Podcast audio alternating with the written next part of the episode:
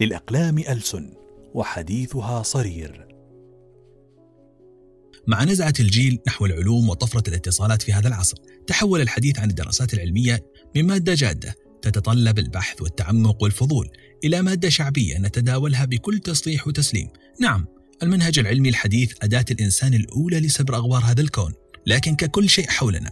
العلم لديه قابلية واسعة لأن يكون عرضة للاستغلال والتدليس فالدراسات كأبيات القصيد فيها الغث والسمين والمستقيم والمتكسر الذي يعلق على الكعبة والذي يستخدم لسفرة غداء فقبل التسليم لأخبار الدراسات التي تنهمر يوميا سيكون جيدا لو استطعنا امتحانها عبر عدة معايير أولا العينة ويقصد بها أولئك الذين تمت عليهم الدراسة. ربما علينا التأكد هل كان المشاركون بشرا أم فئران أم سحالي كم عدد المشاركين في الدراسة؟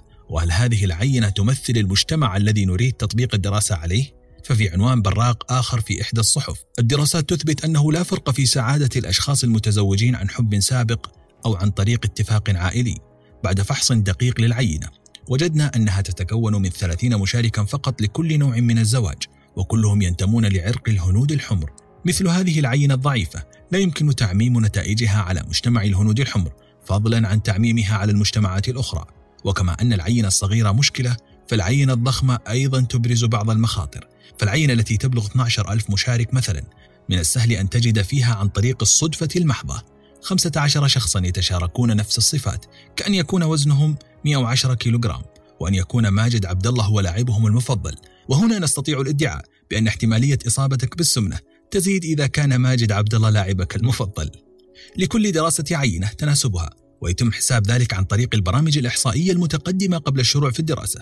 ولكن كعرف عام الدراسة الجيدة عادة لا يقل مشاركوها عن 300 شخص. المعيار الثاني تصميم الدراسة. لكل فرضية ثمة تصميم مناسب لاختبارها فالاختبار فعالية أحد الأدوية مثلا قبل تسويقه. يتم تقسيم المشاركين إلى مجموعتين متشابهتين. مجموعة يتم إعطائها الدواء بينما يمنع عن المجموعة الأخرى. ولذا أي أثر صحي على المشاركين بعد ذلك؟ نستطيع إرجاعه إلى الدواء. وليس إلى عامل آخر. هذا التصميم هو الأكثر رصانة في إثبات العلاقة بين المتغيرات ولكن لصعوبته وتكلفته يتم اتباع أساليب أخرى ولعل أشهرها الدراسة الأفقية. في هذا النوع من الدراسات يتم قياس كل متغيرات الدراسة في نفس الوقت فلا نعرف أيهما جاء قبل الآخر ولا نعرف أيها سبب الآخر ولعل تواجدهم يكون من باب الصدفة فقط. ففي إحدى الدراسات مثلا وجد الباحثون أن مستوى القلق مرتفع لدى المصلين هنا يستطيع ملحد مثلا أن يدعي أن الصلاة تسبب القلق بينما يستطيع أحد المؤمنين أن يدعي بأن الإنسان القلق يلجأ إلى الله لتخفيف معاناته. وكلا الخاتمتين غير صحيحتين لأننا لا نعرف أيهما جاء أولا القلق أم الصلاة؟ أغلب الدراسات تتبع هذا التصميم لسهولة تنفيذه وكلفته المادية المعقولة وله استخداماته النافعة أحيانا إلا أنه كما هو واضح المساحة الحرة للجميع. أن يختار أي خاتمة يريدها من هكذا دراسات المعيار الثالث التفسيرات الأخرى المحتملة نعيش في عالم معقد من النادر أن تجد فيه علاقة واضحة وصريحة بين أي أمرين كيف تفسر السعادة مثلا؟ هل نستطيع أن ندعي ببساطة أن نوع سيارتك يحدد مستوى سعادتك؟ في الغالب هذا مستحيل وغير منطقي.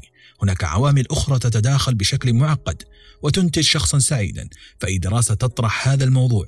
يجب أن تأخذ بعين الاعتبار التفسيرات والعوامل الأخرى المحتملة. ففي مثالنا هذا نوع سيارتك يحدده دخلك السنوي وهذا الدخل السنوي يحدد احتمالية سفرك لإجازة في المالديف أم لا.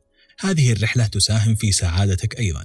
إذا هل الدخل السنوي هو سر السعادة؟ هل تم شرح هذا التفسير الجانبي في الخبرية العلمية؟ أم تم اختزال كل شيء بعنوان عريض؟ الهايلوكس تسبب الحزن. المعيار الرابع الناشر. أحد الأساتذة في القسم كان يتشكى بأن المجلات العلمية المحكمة رفضت نشر بحثه لعدم مطابقته أحد الشروط العلمية حتى لجأ إلى مجلة أقل مستوى تشترط معايير بسيطة ونشر بحثه خلالها. هذه المجلات العلمية تتفاوت في جودتها كتفاوت دور نشر الكتب. أحد المقاييس الجوهرية لتقييم كفاءة الدراسات العلمية وجودة نتائجها يكمن في معرفة الناشر. هناك ترتيب معروف ونقاط معينة لكل مجلة في الأوساط العلمية وسمعة الباحث تعتمد كثيرا ليس على عدد أبحاثه المنشورة فقط بل على الناشر. ففي الحقيقة كون البحث منشورا لا يعني صحته ورصانته العلمية. السؤال الأهم أين نشر؟ قد تتساءل بكل أحقية أن تمحيص كل خبر وكل مقالة فيه مضيعة للوقت واستنزافا للجهد دون ضرورة. بل وقد لا نمتلك الأدوات المعرفية لكشف كل هذا. وهذا صحيح ولكن مسؤولية القارئ تكمن في انتقاء مصادر أخباره وفي الحذر من تلقف المعلومات المعلبة ونشرها. العلم عظيم في إمكانياته ولكنه قد يتحول إلى صنم وأيديولوجية تستعبد ملكة التفكير. وأشر الأمور ما جاء مقنعا بالدين والعلم.